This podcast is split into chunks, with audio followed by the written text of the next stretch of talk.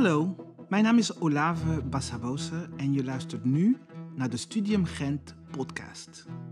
Het Studium Generale Gent is het podium van Hogeschool Gent dat universiteits- en hogeschoolstudenten, docenten en belangstellenden een forum biedt voor reflectie over maatschappij, kunst, cultuur en wetenschap.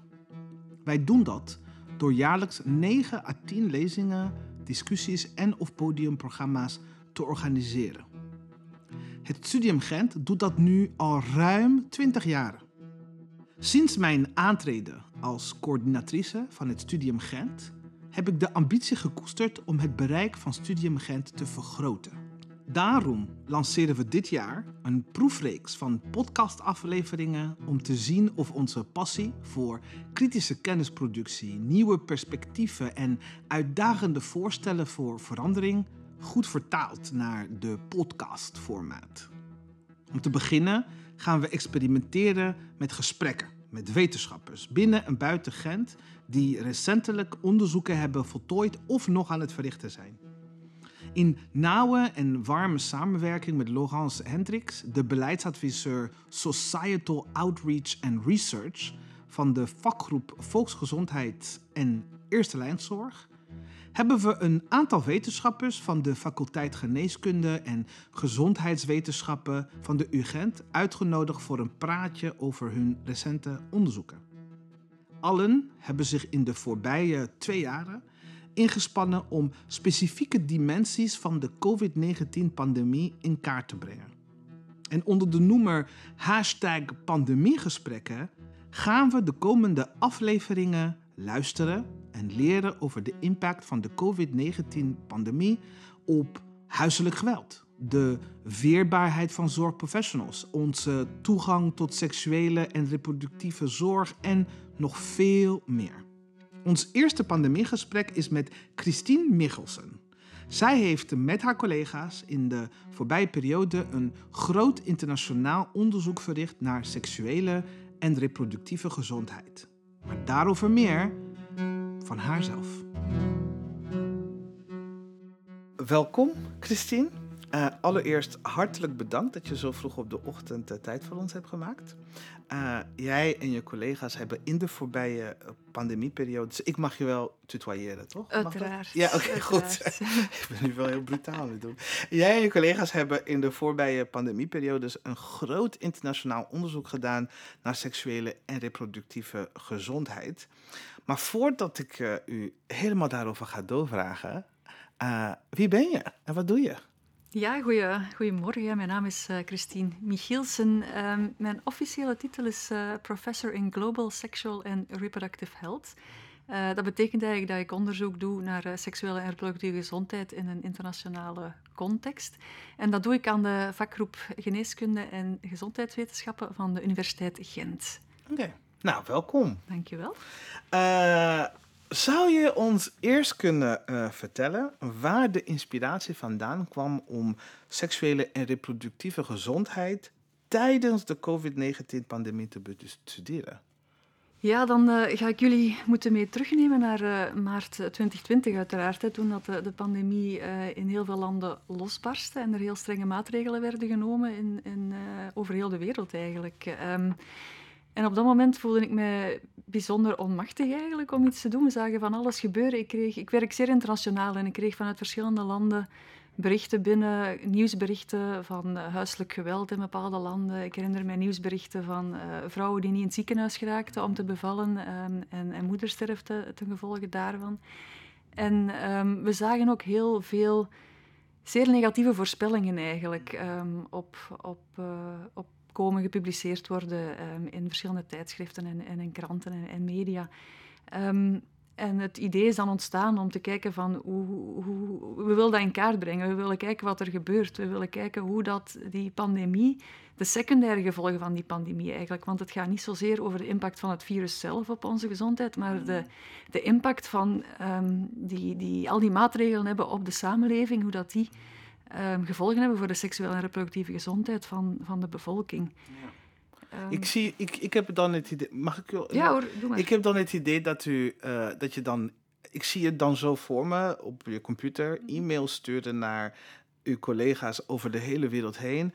En ik kan me voorstellen dat er in die tijd, en misschien ook nog wel een beetje nu, dat de focus en de prioriteit van heel veel mensen ligt op uh, hoe, welke medicatie werkt uh, met mensen die uh, COVID hebben. Hoe zorgen, we, hoe zorgen we dat we de juiste maskers hebben in het al dat preventieve en dat zorgt dat hele eerste lijns problemen, dat die heel erg op de voorgrond zijn. De mensen die heel erg geprioritiseren. En ik kan me ook voorstellen dat u misschien antwoorden kreeg van, oh dit nu? Nee joh. Ging dat zo?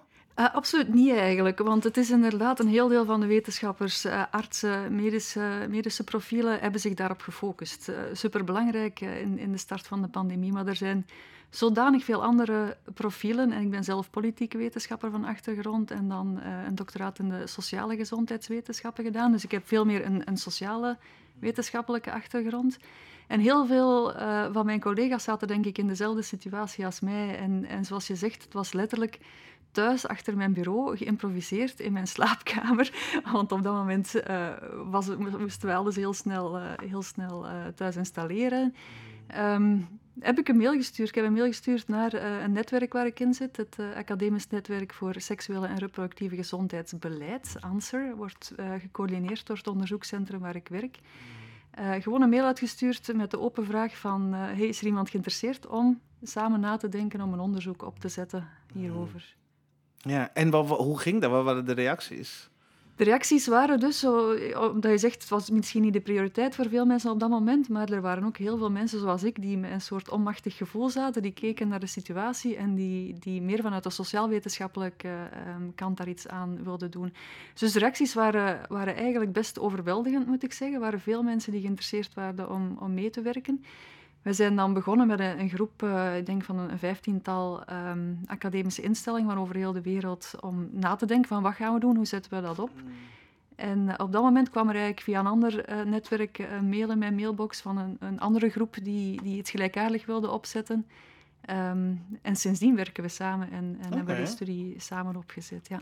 Nou, ik heb in een verre verleden, niet zo ver verleden, maar ik heb een, in een verleden wel eens gewerkt aan internationale onderzoeken. Mm -hmm. En dat was in, voor Europa. Er waren drie onderzoeken, die we, drie landen waar we dat deden. Het ging met name over de veiligheid van LHBT-jongeren op scholen. Dat was zwaar, met drie landen. was zwaar werken. Ik heb begrepen dat jullie met 30 landen bezig zijn. Kun je ons iets vertellen over wat zijn de uitdagingen van zo'n grote, ja, zo'n groot onderzoek? Ja.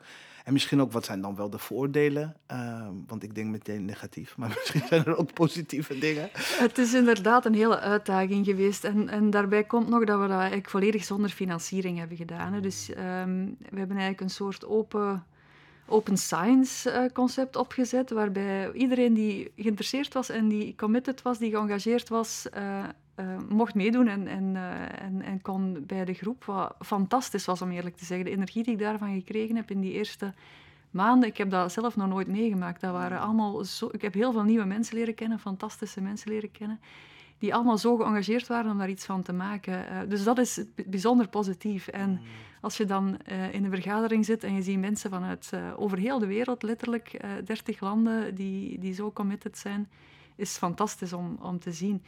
Maar de uitdagingen zijn, um, zijn bijzonder groot, want 30 landen wil zeggen meer dan 30 vertalingen. Zuid-Afrika deed mee, die hadden al vijf vertalingen voor hun land alleen. Um, oh ja, tuurlijk. Uh, dus binnen landen zijn er ook nog eens verschillende talen, lokale talen, die, um, uh, die gebruikt moeten worden en die belangrijk zijn om, om, uh, om te gebruiken. Dus heel die, die vertaling coördineren, heel die programmatie van al die verschillende vertalingen in een online survey coördineren, um, was bijzonder moeilijk. Wat misschien nog het moeilijkste was, was de, de datasharing um, overeenkomsten mm. onderhandelen. Ik denk dat ik daar toch verschillende weken mee bezig ben geweest om met 30 verschillende academische instellingen, met 30 verschillende wetgevende kaders, uh, oh, ja. tot een akkoord te komen om, om onze data te delen. Uh, met, maar, met name ook privacywetgeving. Ja, privacywetgeving ja, privacywetgeving ja. is daar het, het grootste probleem, inderdaad. Um, en in, in, in, sommige regio's is al strenger dan in andere regio's. Um, ja, hoe dat we het, ja, hoe dat we het hebben eigenlijk um, het, het volledig hebben opgezet, is dat Er is een internationale coördinatie. Ik ben coördinator samen met, met Joseph Tucker van de University of North Carolina en Linda Campbell van de Universiteit van Antwerpen. Wij zijn eigenlijk met drie die, die heel het, het internationale kader coördineren. Maar de verschillende landen waren wel uh, zelf verantwoordelijk voor de ethische aanvragen in te dienen, ethische goedkeuring te krijgen um, voor de, de, studie in elk van hun landen, voor de verspreiding van de vragenlijst in de verschillende, in de verschillende landen en voor de analyse van de, van de data per land. Wij hebben ons hmm. gefocust op de internationale analyses. Oké, en dan ben ik een beetje benieuwd naar, oké, dus je hebt een idee van we willen weten of wat we, tenminste, ik, ik, ik ik doe dit, ik leg het nu heel plat uit. Hè, van we zien uh, anekdotische uh, verhalen opkomen in de media, vermoedend dat het. Uh, dat, de, dat de toegang tot, of dat in het algemeen seksuele en reproductieve gezondheid in deze periode, dat het misschien niet zo voor de hand ligt, dat er misschien dingen verkeerd gaan, dat, het, dat er problemen zouden kunnen zijn. je 15 instellingen, 30 landen op een gegeven moment, die gaan allemaal meedoen.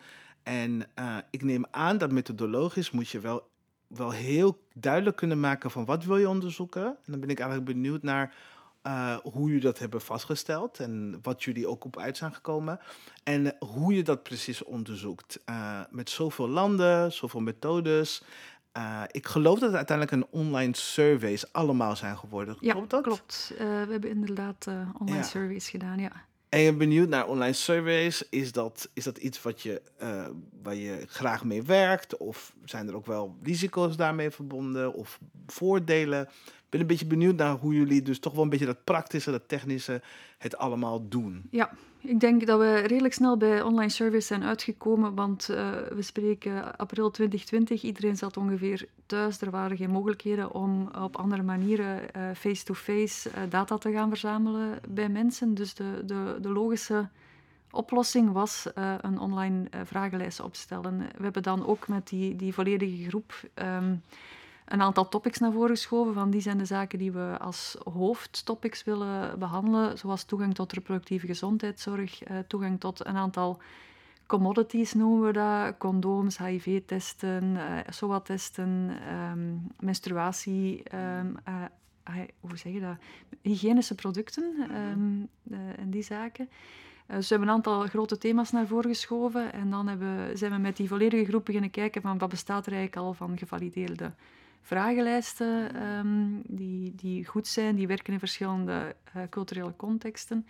En daar hebben we op verder gebouwd om tot, een, uh, tot één instrument te komen. Dus iedereen heeft wel één instrument, hetzelfde instrument gebruikt. Okay. We hadden wel een aantal modules daarin. Uh, we hadden bijvoorbeeld één module rond um, gedwongen huwelijken en vrouwenbesnijdenis, omdat daar ook signalen kwamen dat daar impact op zou zijn.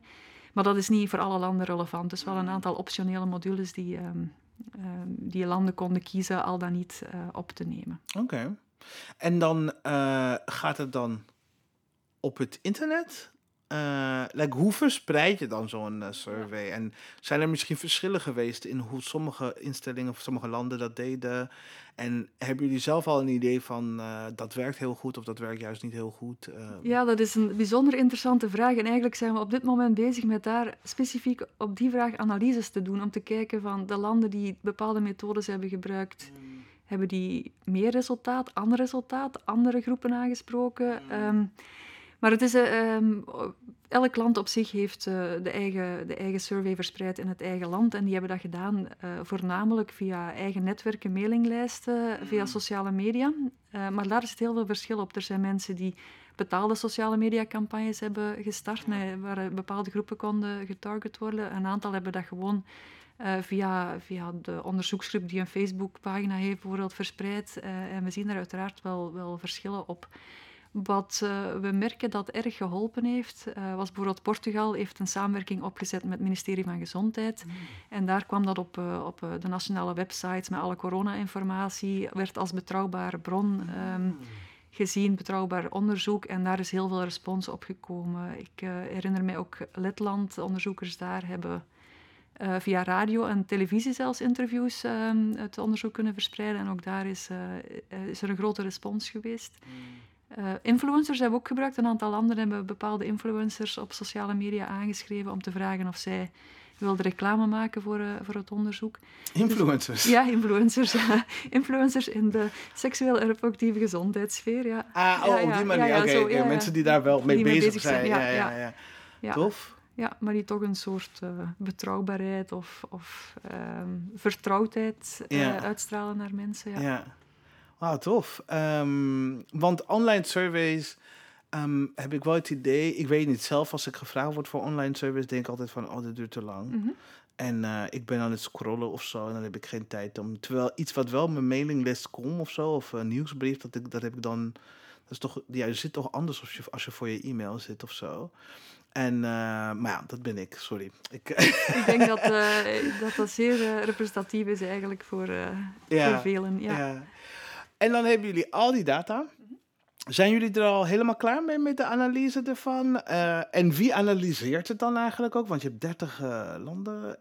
en wanneer jullie het over data sharing hebben, is, ik stel nu een heleboel vragen zodat je helemaal los kan gaan. wanneer je het over data sharing agreements hebt, is het alleen maar echt de rauwe data of ook het delen van de analyses? Ik kan me voorstellen dat je bijvoorbeeld als, als instelling zegt: nee, we gaan de rauwe data niet delen, maar we willen wel delen wat onze bevindingen zijn. Heb, gebeurt dat allemaal? Of? Ja, um, het zijn inderdaad heel, heel veel vragen. Um, het is, uh, het is, de data sharing is de, de ruwe data. Okay. Dus echt de data um, op het basisniveau die, die verzameld is zoals wij het hebben afgesproken in, de, in onze data sharing analyses, is dat het, het land eigenaar is van de data, maar wel toestaat uh, dat die gedeeld wordt met, met de internationale groep voor uh, internationale vergelijkingen en analyses te doen. Um, dus wij zijn geen eigenaar van de data, wij mogen de data gebruiken om, om analyses te doen. Uh, en dat is effectief zeer ruwe data en daar ook daarom nog eens op uitdagingen. We hebben er bijzonder veel van geleerd, want we hebben dat heel snel opgezet, die studie. We hebben wel met uh, online platformen gewerkt voor uh, die data te verzamelen, maar je zag toch door een bepaalde verschillen in programmatie, werd dat bijzonder moeilijk om die 30 verschillende datasets te koppelen aan elkaar, om daar één geheel van te maken. Daar zijn we toch wel een, een heel aantal maanden mee bezig geweest. En ook daar, en dat wil ik misschien toch ook benadrukken, het was een, een onderzoek volledig zonder financiering. Uh, wat we eigenlijk niet hadden konden, kunnen doen zonder hulp van heel veel studenten en uh, jonge onderzoekers die, die uh, echt zijn opgestapt en, en zich daar hun schouders hebben opgezet om die zeer vervelende, laten we eerlijk, eerlijk zijn, data cleaning is een zeer vervelende taak om te doen. Um, zeer belangrijke taak, maar om die wel um, met verve uit te voeren. Wauw, ja. ja. nee, bedankt voor hun ook. Ja. Want ja, ik vond het wel een heel geslaagd uh, onderzoek. Uh, wil je ons misschien een beetje vertellen over de resultaten? Um, ik, had, ik, had, ik heb het onderverdeeld in drie vragen. Okay. Namelijk één, welke uh, onderzoekbevindingen waren eigenlijk in lijn met verwachtingen? Welke waren verrassend? En welke uh, ja, waren niet echt antwoorden, maar juist uh, stelde, like, riepen meer vragen op dan ze beantwoorden. Ja. Um, om een, er zijn inderdaad een aantal zaken die we wel hadden verwacht. Er zijn een aantal um, dingen uitgekomen uh, rond toegang tot anticonceptie bijvoorbeeld. Ik denk in het begin van de pandemie werden voorspellingen, voorspellingen gemaakt tot, tot 10% van de vrouwen moeilijkheden ging hebben um, om toegang te krijgen tot anticonceptie. Wij kwamen op 7,5 procent, dat ligt in de buurt. Uh, hetzelfde voor condooms zat ook uh, uh, rond, rond die, die voorspellingen. Ehm, dus dat, dat, lijkt weinig, maar als je dan kijkt naar de projecties van wat dat betekent voor het leven van vele vrouwen, um, ik heb de cijfers er nog eens bijgepakt, dan zit je voor 10% vermindering in anticonceptie, zit je aan ongeveer 50 miljoen bijkomende women, uh, vrouwen met een unmet need voor contraception en ongeveer 15 miljoen uh, meer uh, unintended pregnancies, meer ongeplande zwangerschappen. Dus dat lijkt weinig, maar als je dat projecteert op, op wereldschaal, is dat, wel een, is dat eigenlijk wel een serieuze impact. Een, een zaak die mij uh, verraste, wat ik zelf interessant vond, was uh, fertiliteitsbeslissingen. Um, we hebben dus gevraagd van, naar aanleiding van de COVID-pandemie, heb je je fertiliteitsbeslissingen aangepast? Heb je beslist om vroeger een kind te krijgen, om geen kinderen meer te krijgen, om wel kinderen te krijgen, om, om je kinderwens uit te stellen? En daar bleek dat, uh, dat toch een heel aantal vrouwen beslist om een kinderwens uit te stellen, meer dan 10% globaal gezien. Maar er zaten heel grote regionale verschillen tussen. We zagen bijvoorbeeld, we hebben een heel aantal landen in Sub-Sahara-Afrika. En daar zaten al die landen systematisch rond de 25 procent. Dus ongeveer één op de vier vrouwen daar beslist om een kinderwens uh, uit te stellen. En dat is nu net de regio met de, de minst makkelijke toegang tot anticonceptie ook. Mm. Dus daar zitten we met een soort, uh, een soort disbalans. Mm. Een, een, zaak die, die voor mij verder uitgezocht moet worden is, um, is het, de impact op geweld. Um, in het begin van de, van de pandemie kwamen daar heel veel signalen dat er een toename zou zijn in partnergeweld. Er uh, werd heel erg voor gewaarschuwd. Dat komt uit onze data niet. Integendeel, wij vinden een daling van, uh, van partnergeweld um, sinds COVID. Uh, en dat is toch iets dat we verder moeten, moeten natrekken. Ik denk dat dat te maken heeft met het feit dat onze, onze sample weinig, niet representatief is. We hebben een, een veel, uh, we hebben een heel vrouwelijke populatie, een hoogopgeleide, een, een stedelijke populatie. Uh, dat kan daar iets mee te maken hebben. Dus we gaan daar wel moeten kijken naar bepaalde subgroepen die misschien wel erger um, geraakt zijn daardoor. We zien bijvoorbeeld inderdaad mensen die um, meer economisch verlies leden door corona, dat daar wel een stijging is in geweld. Dus daar zien we wel uh, wat verschillen. Dat is iets wat ik heb dus, uh, uh, u hebt het uh, vorige week heb het een webinar gegeven met andere onderzoekers en ik heb het ja, privilege gehad om die te kunnen bijwonen. En ik merkte op dat u onderling met uw collega's best wel tijd besteden om uit te leggen, de sample uit te leggen. Dus de, de, de, de, de, de gender, de aantallen mensen die uh, aan hebben meegedaan, hun opleidingsniveau, uh, waar ze zitten. Daar, daar had u best wel, naamt u best wel tijd over. En u kwam volgens mij aan het einde tot de conclusie van voor de gehele um, onderzoeksrijkwijde, dus voor alle 30 landen, is het uiteindelijk 30.000. 23.000 respondenten kwam tot de conclusie dat is niet representatief. Kunt u ons dat een beetje uitleggen, wat dat, uh, wat dat betekent eigenlijk?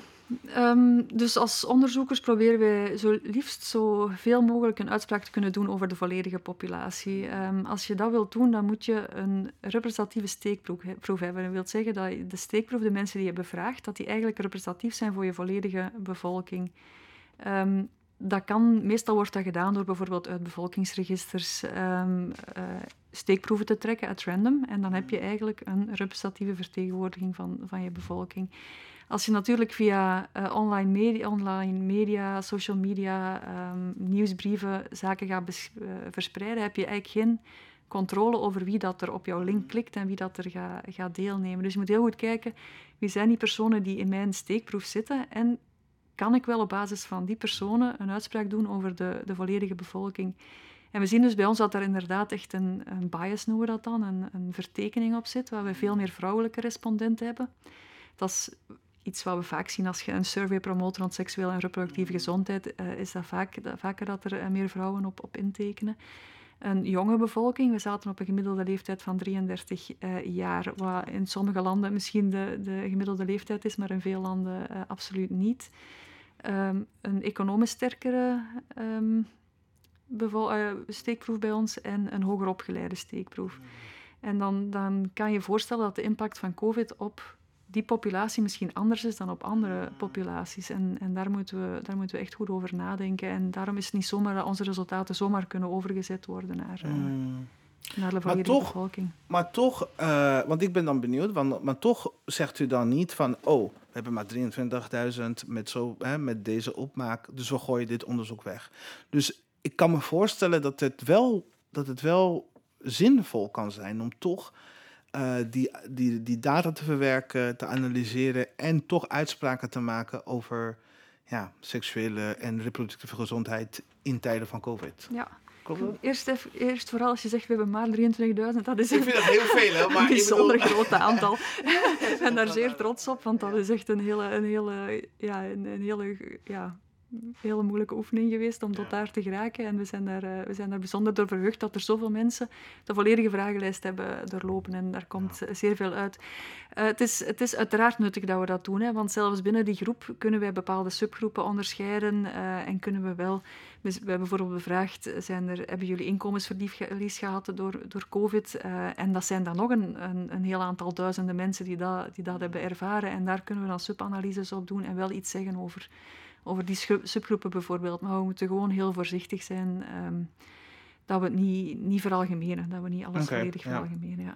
Dus, eh, dus eh, eh, gebruik het met mate of Gebruik het met voorzichtigheid. met voorzichtigheid. Ja. Ja. Niet met mate, gebruik het maar ten volle, maar, eh, Ten volle, ja, ja. ten volle, maar met voorzichtigheid. Ja, want we zien bijvoorbeeld, we hebben drie landen, we zijn 30 landen hebben data verzameld, maar we hebben drie landen eh, die, die er wel die financiering voor hun eigen dataverzameling hebben gevonden en die dus een representatieve steekproef hebben kunnen trekken. Ah, En dat is, eh, dat is zeer interessant, want daar zie je ook de samenstelling van de populatie in die landen is volledig anders dan in de hele datasets. Want zij hebben echt 50% eh, mannen, 50% vrouwen ongeveer. Ze hebben een gelijke verdeling van onderwijsniveaus, omdat er daarop wordt gesampled eh, om die, die vertegenwoordiging te krijgen. Tof. Ehm, u bent dus nu klaar met het onderzoek? Tenminste, er zijn al wel wat resultaten en uitspraken die naar buiten toe gecommuniceerd Ja, worden. we hebben een, eh, een aantal publicaties eh, eh, gepubliceerd, ehm, zowel op landenniveau en nu ook de internationale beginnen nu gepubliceerd te geraken. Maar we vonden het nog niet genoeg en we hebben eigenlijk nog een tweede golf er, eraan gekoppeld. We hebben het geluk gehad om financiering te krijgen van UNFPA, de, de Re- Regional Office voor Oost-Europa en Centraal-Azië. Ehm, ze hebben ons gevraagd om die studie te herhalen in, eh, in de regio van Oost-Europa, Centraal-Azië. Die dataverzameling is, eh, is afgerond en die analyses lopen. En dan zijn er vanuit de eerste 30 landen zijn er ook nog een tiental landen die een tweede ronde hebben gedaan om de lange termijn impact eh, te zien. En eigenlijk krijgen wij nog regelmatig vragen van landen die zich willen aansluiten. Ah. En eh, eh, we aanvaarden het niet meer, want we krijgen het niet meer gecoördineerd en, en bolgewerkt. Maar we delen wel onze, onze tools, onze vragenlijsten, onze, onze expertise. En dan kunnen zij er zelf mee aan de slag gaan. Wat dat we webinar aan het luisteren was, vroeg ik me eigenlijk af van... Was dit onderzoek gericht op, op, op, op ook aanbevelingen te formuleren... voor hoe eh, bijvoorbeeld inderdaad toegang, zeg maar, eh, eh, behouden kan worden... ook al ben je in een eh, covid-pandemie? Was dat het doel van, de, van, de, de, van de onderzoek? Of zo niet, zijn er wel bepaalde dingen waarvan jij zelf denkt van... ik zou wel hopen dat of het nou beleidsmakers zijn of... politici of eerste lijnshulpverleners, whoever, belanghebbenden, stakeholders, dat als zij, als zij hier serieus naar kijken, dan zouden ze eigenlijk dit en dit moeten doen. Ja, ehm, de, ja, u zet een onderzoek op omdat je geïnteresseerd bent in, in een bepaalde onderzoeksvraag, maar altijd wel met het idee van ik wil wel dat er iets mee gedaan wordt en dat er, dat er verandering wordt gecreëerd eh, in, in beleid en in de praktijk. Dus het is niet zomaar eh, data verzamelen eh, uit interesse om eens te kijken wat er, wat er aan de hand is. Nee, we willen altijd wel een vertaalslag maken ehm, naar beleidsmakers. Eh, we zijn daar nog volop mee bezig, want het is nu maar de, de, de eerste volledige overzicht van, van de, de resultaten is nu twee weken geleden gepubliceerd in, in een wetenschappelijk tijdschrift. En nu is de volgende stap van wat betekent dat en hoe, hoe vertaalt zich dat naar, eh, naar beleid. Maar we hebben wel een aantal zaken ook echt afgetoetst in die vragenlijst. Bijvoorbeeld de toegang tot eh, e-health, tele telemedicine. Ehm, dus bijvoorbeeld zijn, zijn er zaken de toegang, als er toegang beperkt is, bijvoorbeeld voor uh, abortus of voor anticonceptie, wordt dat opgevangen door andere systemen? Wordt dat opgevangen door telemedicine um, of, uh, ja, of andere zaken eventueel nog? Uh, en dan zien we dat in een aantal landen dat wel gebeurt, in een heel aantal landen dat dat niet gebeurt. En daar kan je wel zaken uit afleiden. En ja. appreciëren mensen die telemedicine? Is dat iets waar we meer op moeten inzetten? Um, of iets dat, dat niet geapprecieerd wordt? We zien dus dat dat zeer erg geapprecieerd wordt in, in crisissituaties, voornamelijk voor voor anticonceptie. Uh, maar uh, dat zijn zaken die, die beleidsmakers moeten weten om te kijken van hoe kunnen wij onze gezondheidssystemen robuuster maken als er nog dergelijke crisissen komen. Denk je dat er, en dit is mijn allerlaatste vraag, um, denk jij dat er, dat, want ik weet dat er dus allerlei specialisten die in, in allerlei verschillende verbanden samen nadenken over als er een virus uitbreekt uh, of als er een pandemie weer komt. Dit is wat we moeten doen qua communicatie. Dit is hoe quarantaines moeten gaan. Dit is hoe uh, ziekenhuizen met elkaar moeten samenwerken enzovoort. Dus dat die protocollen en die modellen worden gemaakt. En ik denk dat deze periode natuurlijk heel veel van die mensen die die modellen maken heel veel heeft geleerd en dat ze dat gaan internaliseren, hoop ik, de lessen van uh, deze tijden. Heeft u er hoop in? Heb je er hoop in dat er uh, wat betreft seksuele en reproductieve gezondheid, uh, dat dat ook uh, mee gedesigned gaat worden in de toekomst. In, de, in deze protocollen, in deze modellen van hoe gaan we om met een eh, virus uh, of een pandemie? Of ik een denk, uh, ja, een hele goede vraag. Ik denk dat dat voor reproductieve gezondheid, uh, daar heb ik wel grote hoop in dat dat wel zal gebeuren. Um, en dan, dan gaat het over moeder-kindzorg, zorg rond zwangerschap en bevalling, anticonceptie eventueel ook. Um, ik denk dat, er daar, dat dat heel duidelijk is wat de mogelijke gevolgen kunnen zijn en, en dat daar wel zaken rond kunnen ontwikkeld worden. Mijn hoop is, is kleiner, we hebben het er eigenlijk ook nog niet veel over gehad, rond seksuele gezondheid. Want seksuele gezondheid is zo'n fundamenteel deel van het mens zijn. En we zien ook in onze cijfers dat uh, sexual satisfaction, zouden we het noemen, um, echt wel heel sterk gedaald is. En we hebben nog een laatste bevraging gedaan in de, laatste, in de voorbije weken eigenlijk. En dan zitten we al twee jaar in de, in de pandemie. En dan zien we nog echt een significante daling in, in seksueel welzijn bij, bij mensen. Uh, en daar heb ik minder hoop in dat dat als prioriteit wordt opgenomen. Wij gaan dat wel signaleren en op de agenda zetten. We plannen ook een, een reeks uh, webinars met policymakers, uh, vers verschillende regio's die hebben deelgenomen. Um, daar is mijn hoop iets minder hoog. Oké, okay. nou ik ga toch met u meehopen. en u ontzettend bedanken voor uw tijd. en, en ook dat u ja, het allemaal zo toegankelijk hebt uitgelegd en helder hartstikke bedankt. Graag gedaan. En misschien uh, tot de volgende keer. Wie weet uh, zijn er nog meer onderzoeken die u gaat doen. Of misschien dit, dat u ons meer wil vertellen. Wat, uh, dat daar, wat, daar, wat, daaruit, ach, wat daaruit voortkomt. Wie weet. Het is heel vroeg in de ochtend. Ik kom niet uit mijn woorden. Bedankt. Graag gedaan.